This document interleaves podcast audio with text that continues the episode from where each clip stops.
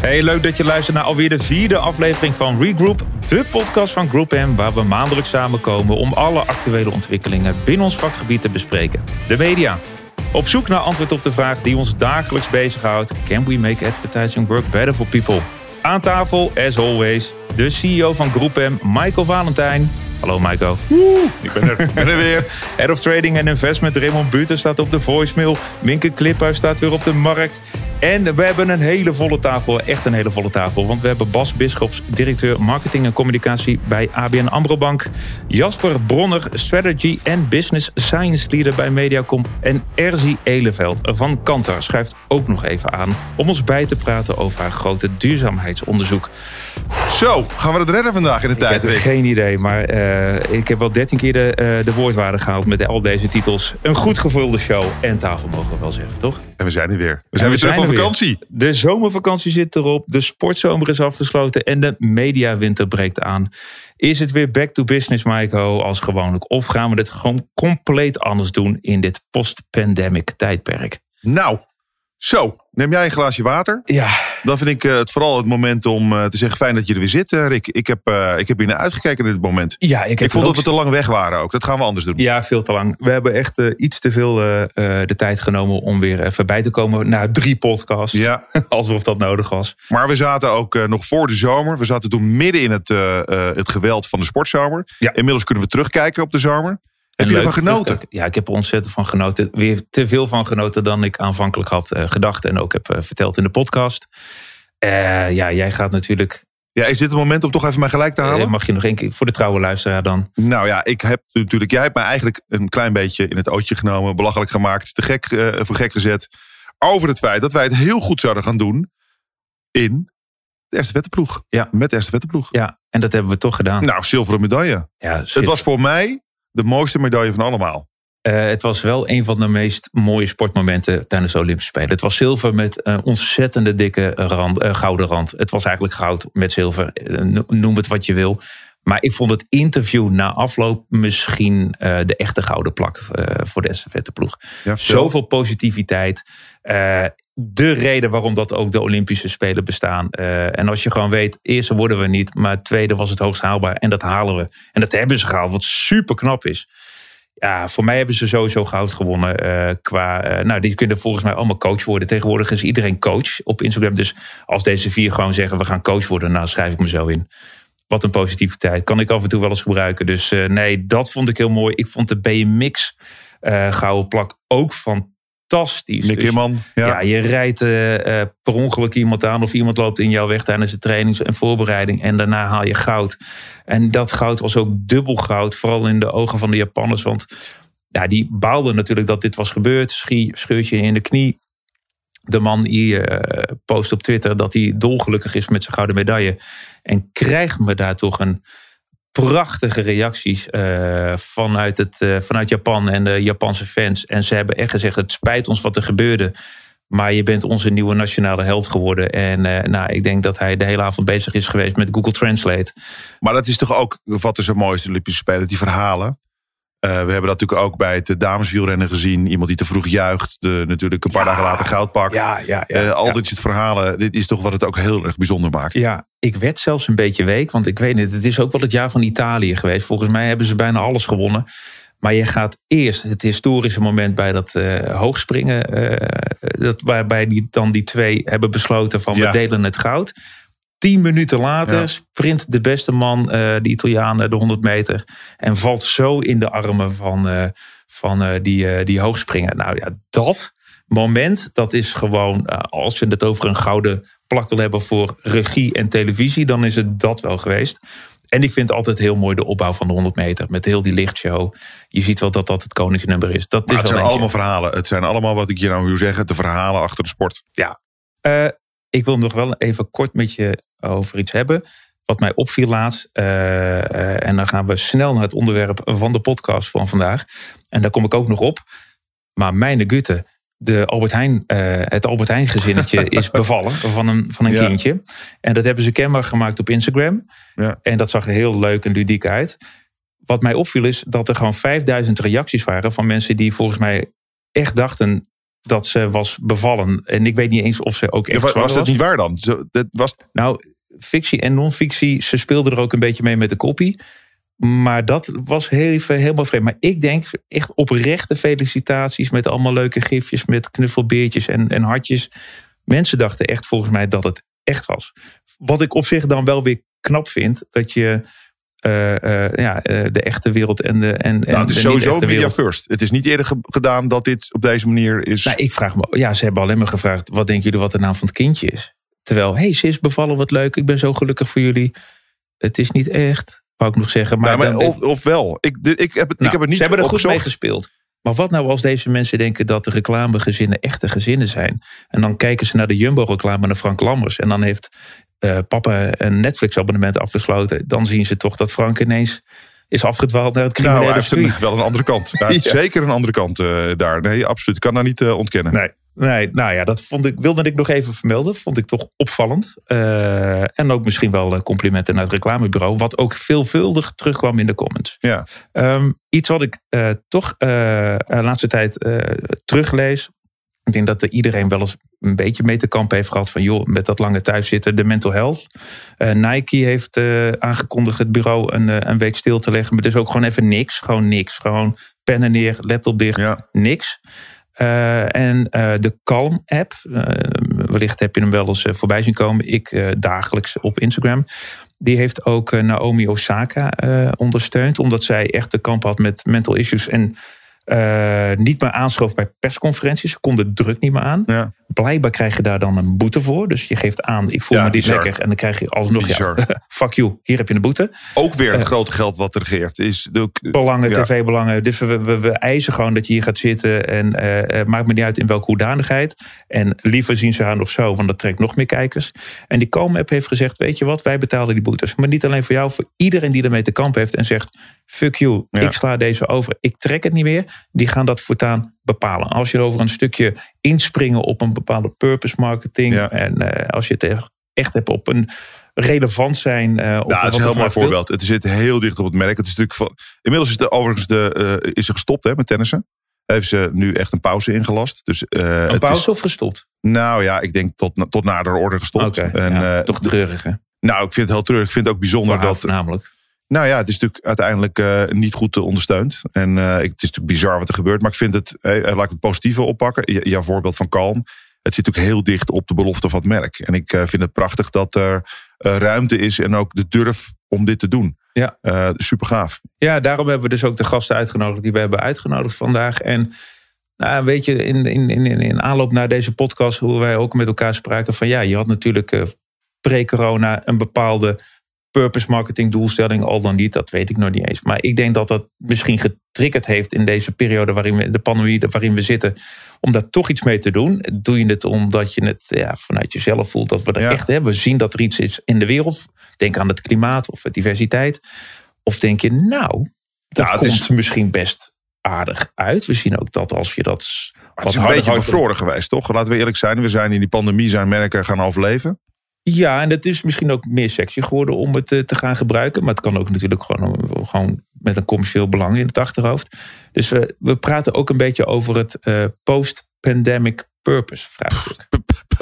De, drie pus. Ja. En we hebben er al zoveel pus. En we hebben de vier pus en de wuppenpus. En, eh, Nou, ik hoop wel dat we gewoon weer terug Sorry, kunnen gaan naar het, ja, het knippen eruit, eh, Rick. Eh, ik hoop dat we vooral weer terug kunnen gaan naar, ehm, eh, naar waar staan merken daadwerkelijk voor. En Ja, wil jij weer terug naar hoe het ging? Of denk je, nou, ik zie best wel mooie veranderingen die in de pandemie hebben plaatsgevonden. En laten we vooral eens een keer een nieuwe weg inzetten. En gewoon Nou. een nieuwe vorm van hè, de dingen bewegen zoals ze bewegen.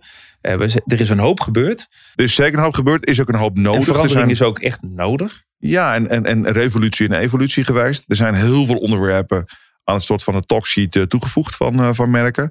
Ehm, maar ik vind het ook wel zorgwekkend om te denken dat het een soort checklist marketing wordt. Dat al die onderwerpen opgepakt moeten worden. Dat Ja, gaan we ja. toch niet, dat gaan we Ja. toch niet doen? Nou ja, ik weet niet eh, of jij recentelijk nog eens een keer een brief onder de snuffert eh, eh, gekregen hebt. Maar eh, ik valt mij wel op dat er toch al bijna een stukje eh, eh, purpose hoofdstuk is toegevoegd. Van het zou wel fijn zijn als het hier en hier en hier aan voldoet. Wat niet erg is, want ik werk graag aan mee. Maar ik zie wel een verschil met briefingen eh, voor een bepaalde tijd. Dus nogmaals, het zet iedereen in ieder geval op scherp en waar we naartoe gaan. Uh, maar waar we eerst naartoe gaan, is mijn voicemail. Hij staat erop. Hij staat er Hij weer. gaat Hij is iets zeggen. Ik weet niet wat hij gaat zeggen. Geen idee of hij hierop gaat inhaken, maar we gaan er sowieso verder op door. Maar dat kan er maar eentje zijn, toch? Ik neem. Onze eigen, enige, echte orakel, Raymond Buter. Yes. U heeft één extra lang voicemailbericht. Hey Rick, ben weer onderweg, maar jij neemt ook nooit op, hè? Ik heb weer een hoop te vertellen namelijk. Uiteraard is de sportzomer voorbij. Jezus man, wat was dat gaaf. Maar daar bel ik natuurlijk niet over. Nee, ik bel je over this year, next year. Twee maanden nog maar. En ik zit uiteraard in de voorbereiding. The dates zijn er al uit. Vormgeving wordt aan gewerkt. En het wordt nu 4 november. Dus noteer in je agenda. 4 november, Theater Amsterdam tiende keer alweer.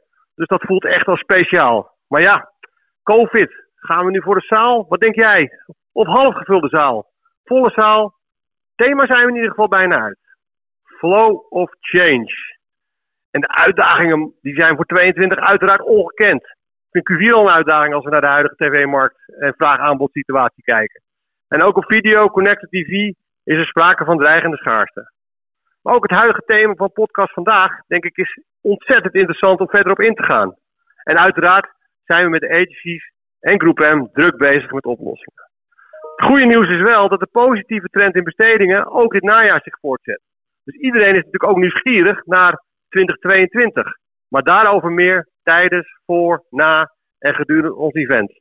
We zullen in ieder geval met mooie gasten, ja ja, alle gasten zijn bijna rond, ingaan op verschillende thema's en uitdagingen die voor 2022 spelen. En ook onze laatste podcast zullen hier in het teken van staan. We gaan er gewoon een marketingprogramma van maken. By the way, ik kijk nu alweer uit naar de Champions League, komende winterspelen en dat WK, dat gaan we zeker halen. Marcel, Einde bericht. het, is, het is Raymond de voet uit. Het Ja. is wel een commerciële jongen, hè? Ja, ja, ja. Hij probeert met deze kaarten te verkopen voor Ja. event. Ja. Nou, we zitten al eh, soort bijna vol, hoor. Ik begrijp, begrijp al dat we al de grenzen hebben bereikt van, eh, van, het, eh, van het event. Maar ik vind het te gek om te horen, zijn enthousiasme. Zijn er nog dingen die je zijn opgevallen in de voicemail van Raymond? Ja, hij maakt zich natuurlijk zorgen om Q4. Nou, terecht. Met zijn drukke maanden, de, de, nieuwe, de nieuwe kansspelmerken komen er natuurlijk bij. Dus het wordt echt wel heel spannend. Ehm, dat, dat, dat is een grote. Eh, zijn voorspelling dat we het WK gaan halen. Ja, dit, is, eh, dat, nou, daar ga ik even niet heen. Ik vind het allemaal heel spannend. Dus daar, eh, daar durf ik niet op, op in te gaan. Maar ik denk dat het enthousiasme over waar we staan is denk ik heel, heel terecht. We hebben gezien dat de markt hersteld is. De markt is beter hersteld of, of, of hoger uitgekomen dan we gedacht hadden. Ehm, en dat is goed, dat is gunstig. Dat zorgt ervoor dat de, de media-industrie in de lift zit. Dat er veel kan. Dat er veel eh, tijd en energie gaan stoppen in innovatie. Daar kijk ik naar uit. Maar dat is ook wel echt broodnodig. Ehm, en we kijken natuurlijk uit eh, naar de aangekondigde fusie in het, eh, in het komend jaar. Maar dat is allemaal nog zo ver weg. Dus we hebben, we hebben voorlopig nog een mooi jaar af te ronden. En ik denk dat, eh, dat we met smart uitkijken naar de voorspellingen van Raymond. Eh, want dat is natuurlijk eh, ons orakel. Ja, ja, het orakel van de kwakel. Ja. Dus, eh, maar die komt natuurlijk breed aan bod, ook op het podium. Ondertussen is Jasper Bronner aangeschoven. Strategy and Business Science Leader bij Mediacom. Een hele mond vol. Kan je een beetje uitleggen wat het precies inhoudt? Nou, kort gezegd is het eigenlijk eh, onze business science afdeling houdt zich bezig met eh, data, onderzoek en eh, onze adverteerders op basis daarvan adviseren. Daar slimme dingen uit halen. En onze strategieafdeling is natuurlijk bezig om onze plannen en strategieën die we maken naar een hoger niveau te trekken. En die afdelingen, daar ben ik allebei verantwoordelijk voor. Zie jij veel verschil voor de pandemie en na de pandemie wat betreft de merken en hun purpose doelstellingen? Of is het uiteindelijk weer terug bij het oude en gaan we gewoon weer verder met waar we mee begonnen waren ooit? Voor mijn gevoel is het soms misschien zelfs wel eh, dat we een, een stapje eh, terug zijn versus waar we, eh, waar we eigenlijk misschien anderhalf jaar geleden stonden. Purpose leeft eigenlijk al veel langer. Weet je, Mhm. het is al een aantal jaren natuurlijk eh, een heel dominant thema. Maar je ziet eigenlijk juist door de hele COVID, door de pandemie, dat iedereen zo gefocust is op soort van de basics en, en sales een korte termijn. Dat volgens mij ook een aantal van dat soort dingen juist even geparkeerd zijn. En dat ik hoop dat dat nu eigenlijk weer juist weer op de agenda gaat komen. Weer. Ja. Ehm, Maar zie je het dan al? Als je, je doet een kleine blik richting 2022 met sommige van onze klanten. Zie je alweer dat er een soort ehm, eh, eh, ja, ruimte komt in het hoofd van onze klanten om daar ook weer echt over te praten? Ehm, enigszins. Eh, toevallig is onlangs eh, eh, door Adformaties die grote marketing-enquête is een rapport van verschenen. Daar zie je eigenlijk dat purpose gewoon bij alle adverteerders extreem hoog op de agenda staat. Dat iedereen ook bewust is van de purpose die ze hebben. Ehm, maar tegelijkertijd zie je ook wel dat, dat een aantal daarvan zeggen: ja, daar gaan we niet per se heel actief mee in communicatie op. Ik heb ook nog een, een rondje gedaan langs een aantal van onze client leads. Van hoe kijken jullie er eigenlijk naar? Wat zien jullie nu in briefings terugkomen voor volgend jaar? Ehm, eh, ja, en dat, dat zien we niet per se meer terugkomen. Het is vaak toch wel gekoppeld aan: is het echt relevant voor ons als categorie of als bedrijf om er ook echt over naar buiten te treden? Eh, of is het iets wat we eigenlijk gewoon intern doen? En wat je misschien wel gebruikt om eh, werknemers aan te trekken. of, Maar waarom is het dan niet? Waarom is het dan niet onderdeel van de brand narrative geworden? Eh, nou, ik denk de afgelopen tijd dat het eh, vooral ook komt door, eh, door de enorme korte termijn focus. Dus dat bedrijven blij zijn als ze overeind bleven. Of de mensen die ze in dienst hebben om die te kunnen behouden. En alles werd gedaan om ja, die sales binnen te halen. En, en dat zie je gewoon extreem terug. Je ziet ook het aandeel performance marketing enorm toegenomen, digitaal. Dus we zijn juist, eigenlijk is er al jaren een oproep van jongens, we moeten meer aan, aan brandcommunicatie doen en die lange termijn denken en binnen en field-achtige types die dat allemaal roepen op ieder congres. En eigenlijk is het tegenovergestelde natuurlijk nu eh, gebeurd. En ook wij, hè, wij hebben ook toen die pandemie begon, eh, alle klanten ook eh, vooral laten zien van jongens, blijf aan je merk werken, blijf ook zichtbaar voor mensen, want je, wil, je wil juist die zichtbaarheid continueren. En ehm, Ja, nee, maar, neem die lessen eens mee. Neem die lessen eens mee, dan wat gaan we dan nu verwachten? Want daar ben ik heel benieuwd naar. Wat gaan we zien in de komende tijd? Gaan dan merken weer heel hard terug naar hier sta ik voor. Hier daar ben ik stonden anders. voor. Of Nou, staan, staan we we nu voor. Ik denk- voor. Nou ja, wat, wat Jasper terecht opmerkt. Ik denk dat ehm, onderwerpen als diversiteit en sustainability zijn, zijn vast onderdeel van het plet geworden. De vraag alleen is, doe je dat voor je interne communicatie of voor je externe communicatie? En ik ben eigenlijk wel verbaasd dat jij zo stellig zegt, ik denk echt dat het een interne communicatie element wordt. Nou ja, wat mij onder andere opviel uit, eh, uit het onderzoek was ook dat ze eh, hadden gevraagd aan marketeers van, joh, wat, is, wat zijn nou jouw belangrijkste prioriteiten voor komend jaar? En dan worden allerlei zaken genoemd natuurlijk als e-commerce en eh, digital marketing, data-driven marketing. Dat wordt allemaal heel veel onderschreven. Maar inclusiviteit eh, en, eh, en sustainability stonden ongeveer onderaan de lijst. Werd door drie of vier mensen genoemd. Dat vond ik echt shocking. Want Ja. inderdaad, weet je, ik bedoel, wij zijn daar ook eh, juist heel erg mee bezig. We hebben bijvoorbeeld eerder dit jaar een heel onderzoek gedaan naar sustainability. Naar hoe belangrijk mensen verschillende sustainability goals vinden van de United Nations. Welke categorieën ze vinden dat zich daar dan mee moeten bemoeien. Of, of wat ze een logische fit vinden. Eh, en natuurlijk zijn ook juist, weet je, wat je ook ziet, purpose is heel belangrijk. En iedereen is heel erg met sustainability ook eh, heus wel bezig. Maar of we dat echt eh, ja, in die zin heel erg terug gaan zien in communicatie. Ik denk alleen als het ook echt relevant is voor, voor de categorie eh, automotive. Ja, die moet mee in, eh, in elektrische auto's. Ja. En ja, weet je, dus logisch dat het eh, zero emission daar een extreem belangrijk thema is. Maar het is ook gewoon belangrijk voor de automotive Maar categorie jij zelf. zegt gewoon, eigenlijk werkt het alleen als je het kan vercommercialiseren. Eh, ik, nou, ik denk dat het ook werkt als je het niet vercommercialiseert. Alleen eh, volgens mij op dit moment is gewoon de focus wel op dat het eh, ook iets moet doen voor, voor je merk, voor je marktendeel, Ja. voor je sales. En wordt gekozen voor, oké, we doen het als het ook wat bijdraagt. Nou, over co- commercie gesproken, dat vindt altijd plaats op de markt. En laat daar nou eh, Minke, onze gewaardeerde collega, naartoe zijn gegaan om eens een keer nou, mensen te vragen rondom dit eh, onderwerp, hoe zij daarover nadenken. Dus eh, Minke, take it away. Nou, vandaag zijn we op de Tenkatenmarkt. En Rick, jij had het al even over post-pandemic purpose. Maar zitten mensen er eigenlijk wel op te wachten? Of willen ze gewoon goede producten? Ik ga het vragen. Duizend GDP's, duizend GDP's. Pak jij maar los? Hallo mevrouw, mooie bloem heeft u hier staan. Hé hey, mannen, wat ruikt hier lekker? Hi, goedemiddag. Waar heel veel merken zich nu op focussen is Ja. purpose die ze, die ze hebben. Dus dat is de onderliggende, nou, eigenlijk de DNA van een merk. Ja, daar zitten ze wel mee te gooien. Ja, En wat vind je daar nou van? Eh, gelul. Gelul? ja, kijk, je kan wel goeddoende stroom of weet ik veel wat voor biologische dingen aanbieden. Maar Uiteindelijk gaat het allemaal om geld verdienen. Daar geloof ik niet in. Je Nee? moet van jezelf zitten.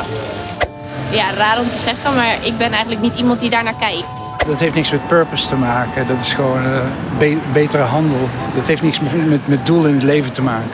Als je er veel over communiceert, is het niet geloofwaardig. Maar als je er niet over communiceert, Dan weten mensen dan het niet. weten mensen nee, het niet. Dus, Nee. dus waar zit dan de sweet spot? De sweet spot zit toch wel bij de wat kleinere bedrijven, denk ik. Die het echt, echt zo bedoelen. Die het van oudsher gewoon in hun merkvisie hebben zitten. 100% Kijk, en die grote die duiken er gewoon bovenop en die kopen al die kleintjes op om dat dan door te voeren. En die kun, ja, het is heel vaag hè, wat ik allemaal zeg. Maar. Nou, ik denk dat het wel wordt geloofd. Ehm, maar het moet gewoon goed onderbouwd zijn en goed inzichtelijk worden gemaakt. Kijken, kijken. Kijk, dichtheid.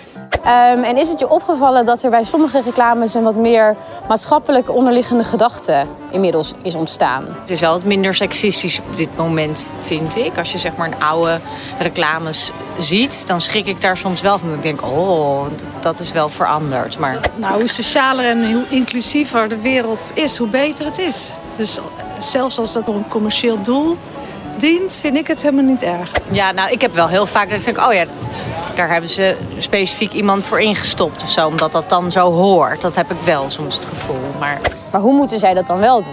Ja, dat weet ik niet, want dat, is- dat is een moeilijke vraag. Want aan de andere kant is het wel nice dat, dat grote bedrijven daar wel in meedoen, zeg maar. Dus dit is gewoon heel erg dubbel.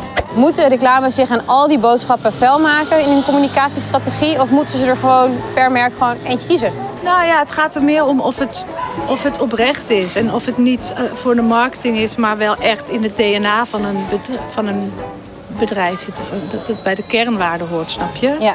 Eh, nou, ik denk dat je best wel eh, flexibel kan, eh, kan zijn als bedrijf. De, oftewel, als jij een nieuwe gedachtegang hebt, dan kan je daarvoor gaan staan. Maar nee, ik, ik- denk niet dat je per se één iets moet kiezen. God meisje, wat een lastige vraag allemaal. Ik had niet beloofd dat het makkelijk ging worden. Nee. Nou, na een rondje op de Tenkatenmarkt ben ik erachter gekomen dat purpose... Ja, mensen zijn er wel mee bezig. Duurzaamheid vinden ze nog wel lastig. Want je moet als merk gewoon echt goed nagaan. Doe ik het voor mezelf of doe ik het voor marketingdoeleinden? Nou, dat, eh, dat waren eh, niet eh, misverstaande woorden vanuit de markt. Dat logen niet op. Ik maak me een beetje zorgen voor onze positie aan tafel ook. Ik denk als Minke zo doorgaat, dan zitten wij hier niet zo heel nee, lang dan meer. gaan wij, gaan wij maar. Ja, dat is. nou ja, dit is wel een beetje volgens mij wat speelt. Ik hoor, het is gelul. Het is alleen bij kleine bedrijven. En zodra die eh, eh, tot hun max zijn gekomen, worden ze opgekocht. En dan kan het grote bedrijf er lekker mee gaan shinen. Ja. Maar het is in ieder geval, als ik het laatste mag begrijpen, het zijn allemaal wel lastige vragen. Het is allemaal wel lastig. Dus je moet me er niet te, mee, te veel mee vermoeien. Ja, er was één iemand die dat heel specifiek zei. Maar ik vond wel, ehm, ik vond overigens dat iedereen daar eh, in die antwoorden heel erg mee bezig is. Ze hebben er allemaal een zeer uitgesproken mening over. En wat mij terugkomt is authenticiteit. Dat is wel een soort van de rode draad die ik erin in zet. Dat, het, dat. het moet niet gebruikt worden om mijn producten te slijten. Want het is allemaal maar bedoeld om meer te verkopen. Ja, ja nou, nou, dat bevestigt eigenlijk wat eh, Jasper zei, toch? Het wordt gebruikt om eh, nou, in ieder geval eh, in, de, in, in de plusjes te komen. aan Maar dat het mag toch? Het mag toch zo zijn dat een bedrijf die iets aan de maatschappij bijdraagt gewoon succesvoller is? Het is grappig dat je dat zegt, want in andere interviews zeggen heel veel merken altijd heel erg bescheiden. We doen er heel veel aan, maar we vinden het niet nodig om daarmee te pochen. Ja. Eh, maar eigenlijk doe je het dan op die manier, vertel je eigenlijk dus al meteen weer dat je het wel doet. En dan komt het moment dat je na al dat investeren erin toch een keer wil laten zien aan de mensen. Maar hallo, wij zijn ook lekker bezig. Dus het komt er sowieso wel een keertje uit. Dus ik denk, eh, er zijn zoveel voorbeelden over te noemen van bedrijven die jarenlang hebben geïnvesteerd in hele goede doelen en daar liever niet mee te koop lopen. Op een gegeven moment kom je op een moment of op een punt. Ja, maar in- is dat niet gewoon valse bescheidenheid? Ja, aan de andere kant, eh, ze kunnen het ook niet doen. Eh, en dan ook, ja, ik heb, ben blij dat ze het wel doen. En dat ze ervoor uitkomen dat ze het doen. Ja, dat vind ik eigenlijk helemaal niet zo erg. Mag toch? Nee, Ja, ik, dat mag mag. toch trots op zijn. Maar ik vind het wel, na, ook weer naar, naar Jasper, die eigenlijk ons het advies geeft: joh, het, het, het mag gewoon. Want Gebruik is het lekker. Ja, nee, maar het is, een, het, is een, het is een sales driver. Ja. En aan de andere kant hoor ik nu, maar het moet ook wel authentiek blijven. Het is wel een ingewikkeld speelveld. Hebben we nog een hulplijn, eh, Rick? Ja, we hebben een hulplijn eh, ingeschakeld. Wat leuk dat je dat eh, bruggetje maakt. Oh, wat wel soepeltjes, hè, was hij. Toch, dan zijn we er twee maanden uit. En dan toch, zo tegen het einde van de podcast, dan... dan Ja, dan komt hij weer, hè? Ik vond, ja, dat, nee, ja. Ja, oké, maar dat is een heel ander ding. Eh Erzie Eleveld van eh Kantar is aangeschoven. Erzie, zou je eerst even willen vertellen wat je precies doet daar? Ja, ik werk bij Kantar, Kantar Insights. En eh, bij Kantar Insights doen we natuurlijk heel veel onderzoek, consumentenonderzoek. Eh, dat doen we in opdracht van klanten, eh, om klanten verder te helpen en om hun inderdaad in hun strategie, de merkstrategie en ook in communicatie, hè, wat, alles wat ze creëren, om ze daarin te adviseren. En- maar we doen ook wel eens een stukje in eigen beheer. Om zelf ook eh, ja, veel meer kennis te krijgen van bepaalde thema's en van merkstrategie, van merkimago. Hoe moet je nou groeien in de markt en wat is inderdaad de waarde van purpose en van sustainability? Ja, en is het gelul? Het is zeker geen gelul. Want het is al eigenlijk Dankjewel, van eh, alle Erzie tijden. we moesten altijd we moesten inkorten. Zet die microfoon even uit van Rick. Laat er even Nee, maar je hebt dit gehoord. Eh, en volgens mij, eh, ik zag je mee knikken en driftig mee schrijven. Ja, zeker. Dus je hebt ongetwijfeld dingen gehoord die je, waarvan je denkt, nou, daar zit een kern van waarheid in. Maar zit er ook iets Ja. in waarvan je denkt, nou, dat is misschien wel heel... Nou, het viel mij sowieso op dat de mensen op de markt toch wel heel erg marketing savvy zijn. Toch, dus hè? ja, ik hoor inderdaad mensen praten over, eh, ja, eh, eh, het is om geld te verdienen, maar ik hoor ze ook praten over het moet in het DNA zitten. Dus ja, mensen denken er wel over na. En, en dat is ook zo. En dat, dat hebben wij inderdaad ook in het onderzoek dat wij recentelijk hebben gedaan rondom dit topic. Hebben we wel geleerd dat mensen zeker over het thema nadenken, maar dat ze inderdaad ook wel wat barrières ondervinden. Hè? Dus eh, En ja. welke barrières heb je het dan precies? Nou, ik hoorde mensen praten over van ja, ik let er eigenlijk niet zo heel erg op. En dat klopt, dat zien wij ook terug. Hè? Dat als mensen boodschappen gaan doen, ze eigenlijk primair bezig zijn met eh, ja, zo goedkoop mogelijk boodschappen te kunnen krijgen. En pas later op de agenda staat eigenlijk het thema sustainability. Dus dat is één barrière. Hè? En je gaat vanuit de habit ga je winkelen. En niet per se vanuit, nou laat ik nou eens even op zoek gaan naar producten die Ja, heel erg vandaag eens even zijn. lekker de wereld beter maken door boodschappen te gaan Precies. Ja. precies. Dus ja, en dan inderdaad het kennisniveau. Wat mensen ook aangeven van ja, ik vind het toch best wel in- ingewikkeld hoor. Wanneer weet ik nou of een merk wel echt purposeful is of, of, of sustainable eh, eh, genoeg voldoende is? Eh, mensen moeten inderdaad vertrouwen hebben in de merken. Dat is heel belangrijk. Dat zei je net ook inderdaad. Hè, van het gaat wel om authenticiteit. Hè, je moet het niet zomaar op de bus stappen om op de bus te stappen. Je moet wel inderdaad ook echt vanuit het merk DNA bezig zijn met van waar sta ik voor en wat kan ik drijven. En eh, purpose of sustainability is niet de schilder omheen die jou duurder kan laten maken.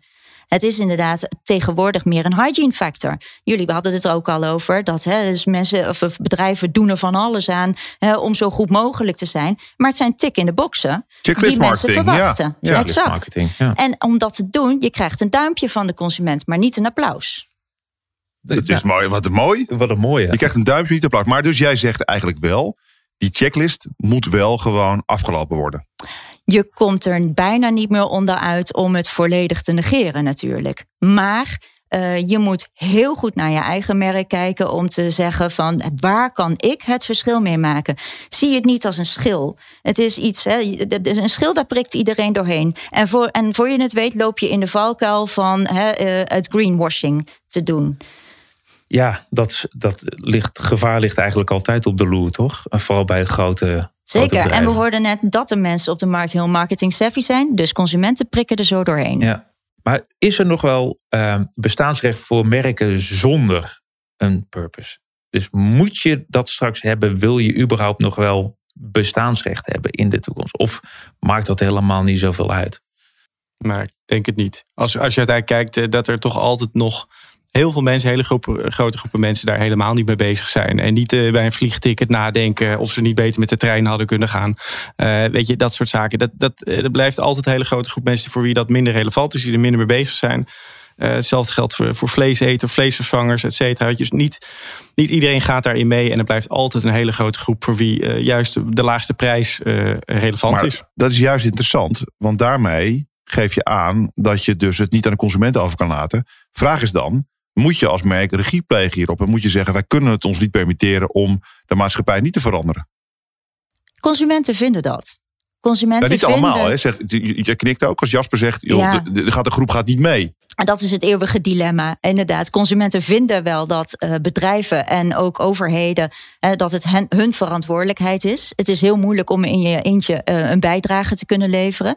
Ehm, maar tegelijkertijd zijn er gewoon te veel barrières. En dat, dat is inderdaad waar Jasper het over heeft. dat mensen inderdaad denken aan de prijs. Dat mensen hun eigen problemen hebben. En dus dat eer als eerste oplossen. Ehm, maar goed, dat neemt niet weg dat, dat ze het dan wel vinden dat, dat bedrijven daar een verantwoordelijkheid nemen. Bijna indrukwekkend ook, of, of imponerend. Als je dan bedenkt dat je als marketeer van zoveel markten thuis moet zijn. Je moet politiek bedrijven, je moet ma- maatschappelijke onderwerpen eh, erbij pakken. Het wordt niet makkelijker. Zeker, zeker. En die checklist, ja. de- Nee, bij dat checklist ja. marketeer. Je moet aan bijna aan meer kwalificaties dan twintig jaar geleden voldoen. Eh, Ja. je, je moet echt, eh, als jouw blik op de wereld eh, onvoldoende is, dan ga je het volgens mij niet eens redden. Ik geef het ze te doen. Ja. Ik geef het Maar ze echt te doen. toch helpt zo'n onderzoek als dit ook wel om specifieker te maken van waar moet jij als merk of als categorie nou op focussen. Dat het inderdaad niet een brei aan heel veel verschillende eh, dingen wordt, maar dat je wel kiest. Volgens mij zei iemand ook dat eh, bij eh, Mink op de markt. Van joh, het hoeft niet per se alles te zijn als, je, als het maar past Ja, bij jouw goeie. merk of Ja. jouw categorie. Ja. En Ja. ja, weet je, maar uiteindelijk wil je iets bijdragen en wil je ook dat merk iets bijdragen. En dat helpt denk ik hier heel erg bij. Dat ook marketeers daardoor scherpere keuzes kunnen maken van welke, eh, welke Ja. dingen gaan wij claimen. Ja, Nou, genoeg te doen richting het nieuwe jaar, denk ik. Als ik dit zo eh, beluister. altijd. Ja, altijd. Er schuift zo iemand aan eh, vanuit eh, ABN AMRO. Bas Bisschops. Ja. Zouden we hem nog achter eh, of kunnen verrassen met een vraag vanuit jouw kant? Is er iets wat jij graag zou, want, zou willen weten? Want jullie hebben daar ook onderzoek naar gedaan, toch? Naar de, de bankensector neem ik aan. Zeker, zeker. En is daar iets uitgekomen wat opvallend is, wat we bij Bas neer kunnen leggen? Ja, dat gaat toch wel. En, en dan ook wel weer de jongere sector, die zich net even wat meer zorgen maakt over financiële kundigheid. Kundigheid. En daar zouden banken eh, zeker bij kunnen helpen. Want het is natuurlijk, het wordt steeds ingewikkelder om alles op financiële markt om bij te Educatie houden. zeg je eigenlijk. Gewoon Zeker. educatie om te snappen hoe ga ik... eh, Ja, ja. nou, er gebeurt genoeg eh, op dat gebied. Ja, Ja. ja goede vraag. Toch? Zullen we Ja. dat even aan Bas vragen? Zullen we erbij roepen? Ja, we gaan maar bijroepen. Ja, dus we hebben dus nog een hulplijn eh, te goed, Ja, ja, eh, ja. Rick. We hebben een heel vol programma vandaag. Ja, ik zei het al in de intro. Het wordt een, eh, het wordt een volle tafel. Ja, maar je hebt Bas al een klein beetje aangekondigd. Maar Bas Bisschops, directeur marketingcommunicatie ABN AMRO Bank. Fijn dat je er bent, Bas. We hadden hiervoor ehm, hadden we een gast, dat is Erzi van Kantar. En zij had een vraag voor jou, die wij graag wilden meenemen. En we hadden het over purpose marketing. Mhm. We hadden het over bijna een soort checklist die we moeten afwerken. Er zijn heel veel onderwerpen die je kunnen, aangeven. De vraag aan jou van haar was... ehm, gaat ABN AMRO ook een rol spelen in eh, zeg maar de educatie, met name van jonge mensen? Jullie purpose, zou dat een onderwerp zijn wat heel dicht bij het merk ABN AMRO zou kunnen liggen om ook eh, een soort van geldwijsheid in die hele complexe wereld voor die jonge groep eh, te, te, te gaan vinden? Want zij kwam in onderzoek, wat ze binnenkort gaan publiceren, echt tot de conclusie dat daar een soort noodzaak is. Heb je daar een soort beeld bij? Zeker, daar doen we ook al heel veel aan. Ehm, en, eh, en ik vind het wel een hele mooie vraag. eh, want ehm, kijk, als je- kijkt naar, ik denk bij purpose marketing, je had het geloof ik over de checklist. Ehm, Ja. Ik denk dat het ook heel dicht bij je, bij je bedrijf, bij je, bij je, bij je, bij je merk moet, moet staan. Heel logisch bij je moet passen en geen gezocht onderwerp moet zijn. Ehm, en we hebben de afgelopen periode, wij doen er eigenlijk al twintig jaar via de ABN AMRO Foundation, helpen wij eigenlijk ehm, eh, kinderen in een achterstandssituatie met onderwijs. doen we op heel veel verschillende manieren. Ehm, we hebben collega's staan voor de klas, we eh, ondersteunen initiatieven daar, eh, daarin. Dus dat is ook echt wel iets wat heel dicht bij ons zit en waarvan we ook weten dat ja, consumenten ehm, eh, het eigenlijk heel logisch en belangrijk vinden dat je als bank ook daar een rol in pakt. Omdat het ook heel dicht bij, eh, bij toekomstig inkomen ligt. Of bij, eh, je ziet ook dat onderwijs de belangrijkste factor is uiteindelijk in welvaart. Wat dat ook mag zijn. Het hoeft niet altijd inkomen te zijn. Dat kan ook welzijn zijn of iets dergelijks. Dus wij doen daar eigenlijk heel veel aan. Ehm, en we hebben juist dit jaar ook ervoor gekozen om daar ook... ehm, eh, om dat ook zichtbaarder te maken. Eh, omdat we ook vinden dat we ja, als ABN AMRO ook best eh, eh, mogen laten zien... eh, dat we een rol spelen in deze maatschappij. Dat we ook een bijdrage daaraan willen leveren. Nou, dat doen we dus ook al echt. En dat hebben we dus nu ook zichtbaarder gemaakt met een gelijke kansencampagne. eh, waarin we ook dat hebben gedaan vanuit onze medewerkers. Dus vanuit mijn collega's die dat zelf doen. Dus het is in die zin niet een soort van greenwashing of social washing. Maar het is echt iets wat we al heel lang doen. Maar waarom juist nu? Je zegt, Ja. we doen het al twintig jaar. Maar waarom zijn jullie juist dit jaar dan begonnen om dat, was een prominente plek te geven? Ja, op een gegeven moment moet je ook iets uh, uh, ook al echt doen om het dan ook echt uh, te, te, te gaan zeggen en te gaan vertellen, denk ik aan iedereen. Dus ik denk dat het moment er ook was. De foundation bestond ook twintig jaar. Ja. Dus het was ook intern echt wel een moment dat je kan zeggen, we kunnen hier nu ook zonder enige schroom oprecht zeggen dat we dit belangrijk vinden en daar ook in, ook in investeren. Ja, en kijk, ik denk dat als je het hebt over purpose marketing en het hele social purpose stuk, dat is natuurlijk meer dan terecht dat. Um, dat consumenten de maatschappij van grote corporates als ABN AMRO vragen... dat ze ook een bijdrage leveren aan de maatschappij. Of het nou op duurzaamheid is of op social. Um, en, en dat is een hele terechte vraag. En ik, ik, ik denk dat, dat grote ondernemingen daar ook meer in kunnen doen. Um, um, maar dit is een voorbeeld waar we dingen al doen. Dus dat was ook het moment om te laten zien ja, wat we dan ook al ja, daarin... Maar dit was nogmaals, die 20 jaar was natuurlijk een, een prachtig gegeven. Maar is het ook zo dat de pandemie natuurlijk ook een extra motivator was, een extra trigger was om hiermee naar buiten te gaan? Nou, de pandemie had er wat mij betreft niet zo heel veel nee. mee te maken. Ik denk eerder een, een veel bredere trend die je ziet. En dat is een terechte vraag vanuit de maatschappij. Uh, wat is je corporate citizenship als, als merk, als onderneming? Um, en, uh, en ik denk dat dat een veel langere en terechtere vraag uh, is. Um, en ik denk dat dat misschien de pandemie zou kunnen hebben versneld. Voor ons in ieder geval niet. Um, dus, dus dat was is die, lijst, is die lijst onbeperkt dan van onderwerpen die ze mogen vragen aan? Je zegt terecht dat het gevraagd wordt aan Armin Ambro. Moeten jullie op alle onderwerpen dan een vinkje in het uh, checklist kunnen zetten straks? Uh, nee, ik denk dat, dat met dit soort dingen het, het, het, moet, het moet passen bij je merk. Het moet een logische rol zijn bij, uh, zeg maar bij wat je doet. Hè. Dus voor ons ligt het dicht tegen bankieren, financiële educatie ja. aan. Uh, uiteindelijk, nou, weet je, het, het, bieden ook van onderwijs en dat mogelijk maken, gelijke kansen creëren. Dus dit voorbeeld ligt gewoon heel dicht bij onze, bij onze business, ja. bij ons merk. En ik denk dat dat de toetssteen is. Je moet geen dingen gaan doen die, ja, die buiten je comfortzone liggen. Dat, ik, daar zijn ook denk ik wel voorbeelden bij. We hebben ook wel gekeken, we doen ook wel andere dingen die misschien er wat verder beliggen. Maar dit vinden, ja, vinden mensen gewoon heel logisch dat je die rol pakt als bank. En dat zou wat mij betreft een belangrijke toetssteen moeten zijn in, in dit soort initiatieven. En, en als je kijkt naar het initiatief waar je nu staat, je, je geeft trots aan, we doen het 20 jaar. We hebben er nu een, uh, dit jaar voor het eerst een soort inzicht kunnen geven in een mooie campagne. Mm -hmm.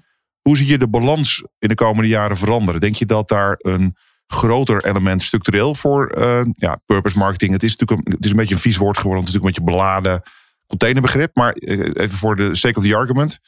Denk je dat daar een groter element uh, voor ja, maatschappelijk verantwoord ondernemen of purpose marketing, hoe je het ook wil noemen, gaat komen? Of heeft het een element in een gewoon een hele harde salescampagne da daarnaast altijd een plekje, maar niet groter dan dat? Ik weet niet of het purpose marketing versus sales is. Ik denk dat uiteindelijk je, uiteindelijk gaat het om je relevantie als merk voor klanten en de dienstverlening die je, die je daarin biedt. En dat is, dat is, ik denk dat het heel goed is dat wat ik net schetste, hè, dus, dus dat je wat meer denkt aan wat draag ik bij in de maatschappij, dat dat veel meer een onderdeel is geworden van ja, wie je bent als merk.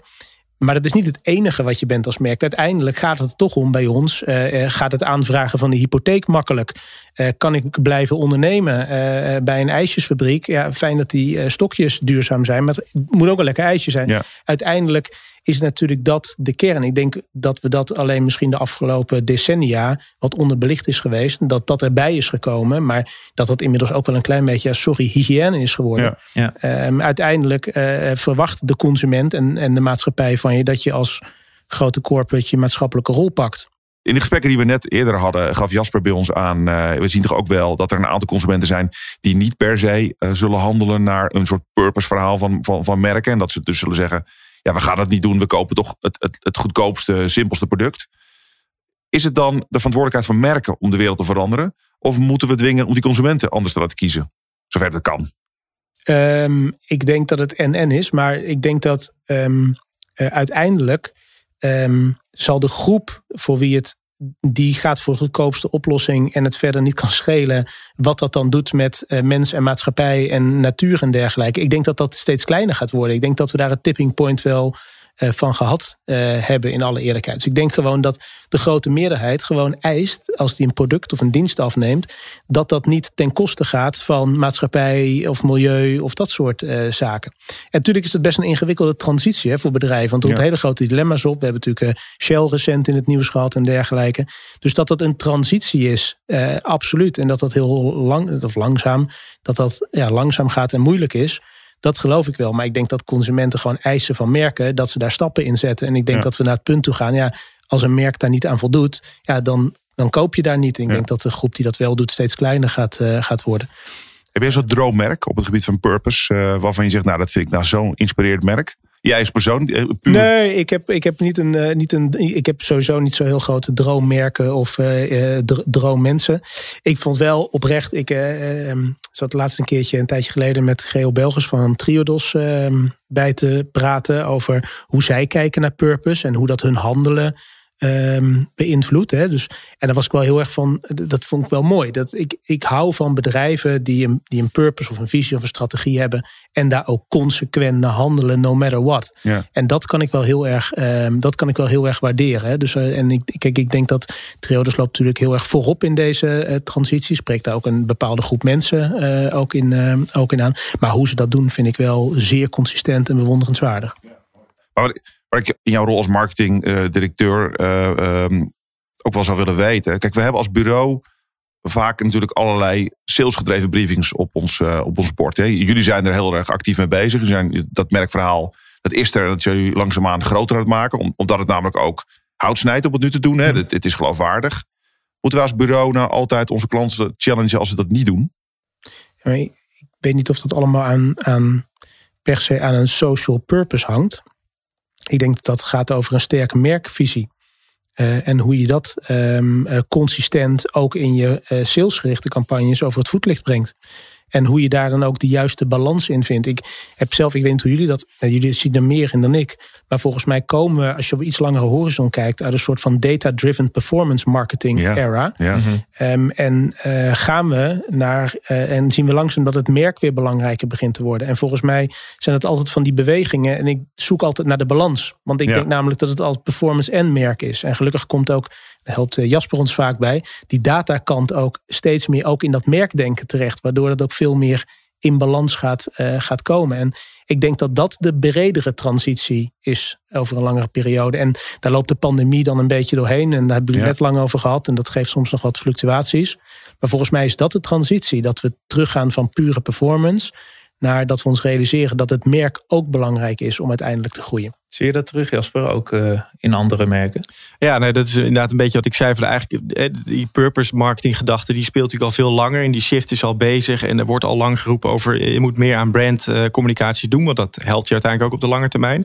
Eh, en die pandemie heeft ons enigszins eh, teruggeworpen weer even in dat hele conversiegedreven stuk. Ik hoop heel erg dat we vanaf volgend jaar inderdaad weer die lijn door gaan zetten. Van ja, dat, merk, eh, dat, dat merkverhaal echt eh, belangrijk is. En dat we dat eh, vooral op de agenda zetten bij, bij onze adveers. En dat is, dat is wel wat jij ook zegt, ook een taak aan ons. Om de, het belang van, van merk, om, om dat aan te tonen. En onder andere middels data-gedreven analyse kun je dat inderdaad... kun je dat ook doen. Om echt de waarde van het merk aan te tonen. Dat is natuurlijk vaak een beetje probleem. Eh, een salescampagne, dat, dat tikt daar helemaal lekkerder meteen aan. eh, en kun je, kun je makkelijker meten dan een merkcampagne. Waarbij je ja, toch meer lange termijn effecten ook aan het realiseren bent. Dus eh, dat is ook zeker een belangrijke taak voor ons. Om, om het belang daarvan aan te tonen. Volgens mij hoor ik heel erg hier ook terug dat het dus echt gaat om die balans tussen sales en merk. Maar dat het zeker niet zo'n platgeslagen wereld moet zijn als, ehm, als wij in het begin eigenlijk schetsten. Omdat het namelijk in een salescampagne ook gaat over een goed, sterk merkverhaal.